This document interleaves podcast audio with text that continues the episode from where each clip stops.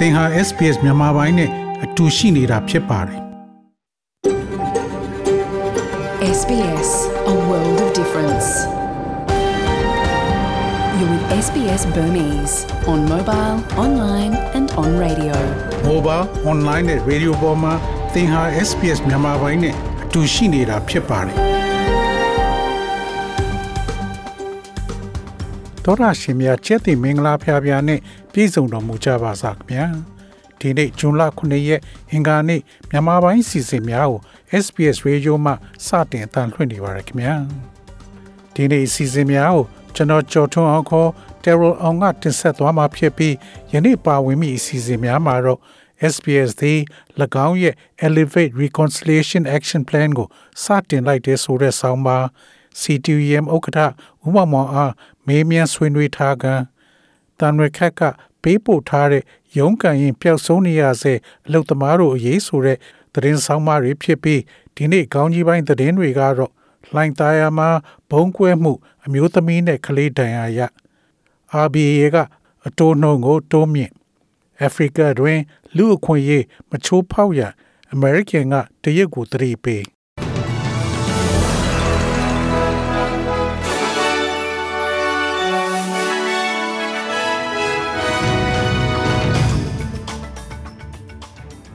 ယခုချိန်ကစပြီးသတင်းများကိုကျွန်တော်ကြော်ထုတ်အောင်ကစတင်ဖတ်ကြားပါတော့မယ်။လှိုင်သာမှာဘုံကွဲမှု အမျိုးသမီးနဲ့ကလေးအပါအဝင်၃ဦးတန်ရာရရန်ကုန်တိုင်းလှိုင်သာမြို့နယ်အမှန်ငါရက်ကွက်မှာဒီနေ့ဇွန်လ9ရက်နေ့မနေ့ပိုင်းကဘုံပေါက်ကွဲမှုနှစ်ကြိမ်ဇက်တိုက်ဖြစ်ခဲ့ပြီးအမျိုးသမီးတဦးနဲ့ကလေးငယ်တဦးအပါအဝင် လူ၃ဦးထိခိုက်ဒဏ်ရာရခဲ့ပါတယ်။ဒီနေ့မနေ့စောစော6နာရီလောက်ကလှိုင်သာယာမြို့အမှန်ငါရက်ခွက် နဝရက်လမ်းထဲကအမိုက်ပုံမှာပထမတစ်ကြိမ်ဘုံပေါက်ကွဲမှုဖြစ်ခဲ့ပြီးလမ်းမပေါ်သွာလာနေတဲ့အသက်30ကျော်ရွယ်အမျိုးသမီးတူအရင်ဆုံးထိခိုက်ဒဏ်ရာရခဲ့ပါတယ်။ အဲဒီပောက်ကွဲမှုကြောင့်အခင်းဖြစ်ပွားရာကိုရဲနဲ့စစ်သားတွေလာရောက်စစ်ဆေးနေချိန်မှာမနေ့9နာရီလောက်မှာဒုတိယအကြိမ်ဘုံပေါက်ကွဲမှုထပ်ဖြစ်ခဲ့တာကြောင့်အမိုက်ပုံအနီးနေထိုင်တဲ့လူလက်ပိုင်းအရွယ်အမျိုးသမီးတဦးနဲ့အသက်9နှစ်အထက်ကလေးငယ်တဦးထိခိုက်ဒဏ်ရာရခဲ့တယ်လို့လိုင်သားရမျိုးကကိုလွင်ဦးက RFA ကိုပြောဆိုပါတယ်။ဒဏ်ရာရတဲ့ပြည်သူ၃ဦးကိုအရေးပေါ်လူနာတင်ရင်နဲ့ ချက်ချင်းတည်ယူသွားတာတွေ့ရပေမဲ့ဘယ်ဆေးရုံကိုခေါ်ဆောင်သွားတယ်ဆိုတာအတိအကျမသိရဘူးလို့ဆိုပါတယ်။ဒဏ်ရာရသူတွေကိုရုတ်တရက်တည်ယူခြင်းအင်ဂျီအနီယာဝတ်ထားတဲ့အသက်9နှစ်အထက်ကလေးငယ်ရဲ့ဦးခေါင်းကိုသာမြင်လိုက်ရပြီးယောက်ျားလေးလားမိန်းကလေးလားဆိုတာကိုမခံနိုင်နိုင်ဘူးလို့ဆိုပါတယ်။ဒီပောက်ကွဲမှုဟာဘသူလက်ချက်ဆိုတာအခုလောလောဆယ်ဘယ်အဖွဲ့ကမှထုတ်ဖော်ပြောဆိုခြင်းမရှိသေးပါဘူး။ RBA ကအတိုးနှုံတိုးမြင့်ဩစတြေးလျအရန်ဘန် RBA သည်ယနေ့အင်္ဂါနေ့တွင်ဘော်ဒအဖွဲ့အစည်းအဝေးဆုံးဖြတ်ချက်တစ်ခုအပြီးတွင်ငွေသားနှုံထားကို3.3ရာခိုင်နှုန်းမှ3.8ရာခိုင်နှုန်းသို့တိုးမြင့်ခဲ့ပါတယ်။အခြေခံအမှတ်90တိုးခြင်းသည်2000ခုနှစ်ဖေဖော်ဝါရီလနောက်ပိုင်းအကြီးမားဆုံးတစ်ခုတည်းသောတိုးမြင့်ခြင်းဖြစ်ပါတယ်။ RBA ရဲ့အုပ်ချုပ်ရေးမှူး Philip Low က ဘော်ဒဖွဲ့သည်ဩစတြေးလျတွင်ငွေကြေးအခြေအနေပုံမှန်ဖြစ်စေရေးလုပ်ငန်းစဉ်တွင် နောက်ထပ်ခြေလှမ်းများလှုပ်ဆောင်နိုင်ပွဲရှိကြောင်းပြောကြားသွားပါတယ်။ဩစတြေးလျမှာငွေကြေးဖောင်းပွားမှုတိတိသာသာမြင့်တက်လာတယ်လို့လည်းသူကထပ်ပြောပါတယ်။အာဖရိကတွင်လူအခွင့်အရေးချိုးဖောက်မှုများမပြုရအမေရိကန်ကတရုတ်ကိုတတိပေးလုံသမားအခွင့်အရေးနဲ့တဘာဝပတ်ဝန်းကျင်ကို အကာအကွယ်ပေးခြင်းအပါအဝင် လူအခွင့်အရေးကို လိုက်နာရန်အပြင်အာဖရိကဒေသပြည်သူများရဲ့အကျိုးစီးပွားကိုလည်းလေးစားရန်အမေရိကန်ကတရုတ်အစိုးရအားတောင်းဆိုလိုက်ပါတယ်။စီးပွားရေးဖွံ့ဖြိုးတိုးတက်မှုစွမ်းအင်နဲ့တဘာဝပတ်ဝန်းကျင်ဆိုင်ရာအမေရိကန်လက်ထောက်ဝန်ကြီးဂျိုဖာနန်ဒက်ကတောင်အာဖရိကနိုင်ငံကေပတောင်မြို့သို့မေလ9ရက်မှ12ရက်အထိတွားရောက်စဉ်ရင်းကဲ့သို့ပြောကြားခြင်းဖြစ်ပါတယ်။အာဖရိကတွင်လူအခွင့်အရေးကိုလိုက်နာပါက တရုတ်ရဲ့ယင်းနှမြုံနှံမှုကိုအမေရိကန်ကစန့်ကျင်မိမဟုတ်ကြောင်း၎င်းကဆက်လက်ပြောကြားပါတယ်။တရုတ်စီးပွားရေးလုပ်ငန်းရှင်များသည်ဒေသတွင်စီးပွားရေးလုပ်ငန်းများကိုတဖြည်းဖြည်းချင်းသိမ့်ပိုက်လာသဖြင့်အာဖရိကနိုင်ငံများသည်တရုတ်ရဲ့ထုတ်ကုန်များနှင့်ပို့ကုန်များအပေါ်တွင် အလွန်မှီခိုနေရကြောင်းလေးလာမှုများအရသိရခြင်းတွင်ရင်းမှတ်ချက်ထွက်ပေါ်လာခြင်းဖြစ်တယ်လို့ Hong Kong Post သတင်းစာတွင်ဖော်ပြထားပါတယ်။ မြန်မာလူအခွင့်အရေးအခြေအနေဆိုးရိမ်ကြောင်း Australian ဝန်ကြီးချုပ်အင်ဒိုနီးရှားမှပြော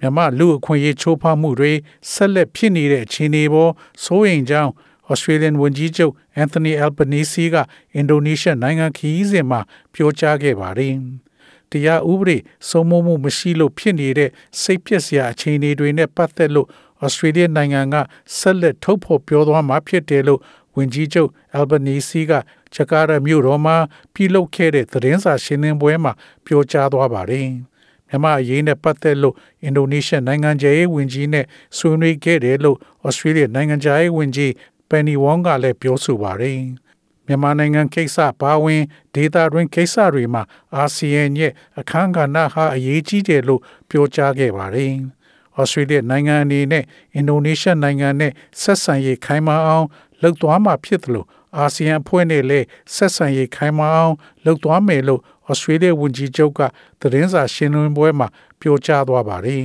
။ကမ္ဘာအင်အားကြီး American နဲ့တရုတ်အားပြိုင်တဲ့အခြေအနေထဲမှာအာဆီယံဟာအခရာကျတယ်လို့ဝန်ကြီးချုပ် Anthony Albanese ကပြောကြားသွားပါတယ်။ New Zealand ဝန်ကြီးချုပ် Jessica Ardern Australia ကိုလာရောက်လေပတ်မည် New Zealand ဝန်ကြီးချုပ် Jessica Ardern သည်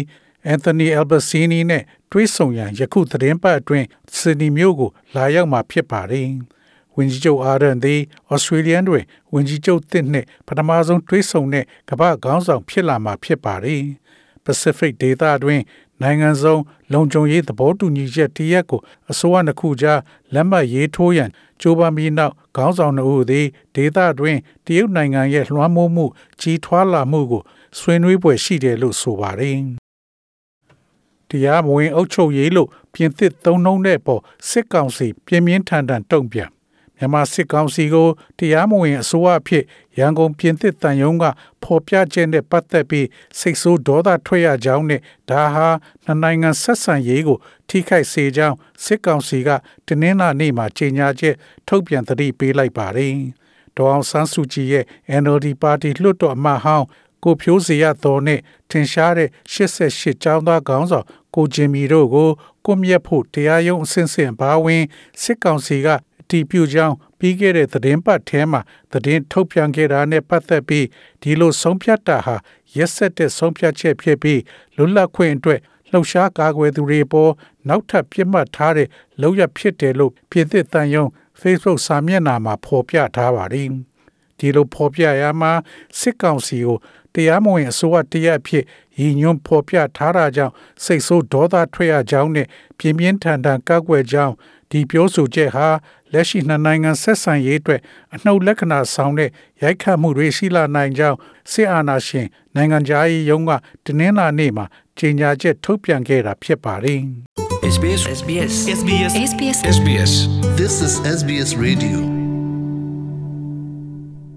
ငွေလဲနှုန်းမှာတော့ Australian dollar ကိုမြန်မာကျပ်ငွေ1332ကျပ်ရရှိပြီး American dollar ကိုမြန်မာကျပ်ငွေ1855ကျပ်ရရှိပါတယ်။ Australian dollar ဟာ American 80စနစ်နဲ့ညီမျှပါတယ်။မနေ့ပြန် Australia တိုက်မှာရှိတဲ့မြို့ကြီးများရဲ့မိုးလေဝသခန့်မှန်းချက်ကတော့ဆင်နီမြို့မှာအပူချိန်15ဒီဂရီစင်တီဂရိတ်ရှိမှဖြစ်ပြီးများသောအားဖြင့်နေတာမှာဖြစ်ပါတယ်။ Melbourne မြို့မှာအပူချိန်12ဒီဂရီစင်တီဂရိတ်ရှိမှဖြစ်ပြီးမိုးရွာသွန်းမှဖြစ်ပါတယ်။ Brisbane မြို့မှာအပူချိန်16ဒီဂရီစင်တီဂရိတ်ရှိမှဖြစ်ပြီးနေတာမှာဖြစ်ပါတယ်။ Perth မြို့မှာအပူချိန်21ဒီဂရီစင်တီဂရိတ်ရှိမှဖြစ်ပြီးမိုးရွာသွန်းမှုတိုးမြင့်လာမှာဖြစ်ပါတယ်။ Adelaide မြို့မှာအပူချိန်15ဒီဂရီစင်တီဂရိတ်ရှိမှဖြစ်ပြီးမိုးတစ်ဖြောက်နှစ်ဖြောက်ရွာသွန်းနိုင်ပါတယ်။ Hobart မြို့မှာအပူချိန်10ဒီဂရီစင်တီဂရိတ်ရှိမှဖြစ်ပြီး မိုးတစ်ဖြောက်နှစ်ဖြောက်ရွာသွန်းနိုင်ပါတယ်။ Canberra မြို့မှာအပူချိန်10ဒီဂရီစင်တီဂရိတ်ရှိမှဖြစ်ပြီးမိုးတိမ်သားများအနည်းငယ်ရှိမှဖြစ်ပါတယ်။ Darwin မြို့မှာအပူချိန်34ဒီဂရီစင်တီဂရိတ်ရှိမှဖြစ်ပြီးနေသားမှာဖြစ်ပါတယ်။ဤတွင်သတင်းများကိုကြီးညာလို့ပြီးပါပြီခင်ဗျာ။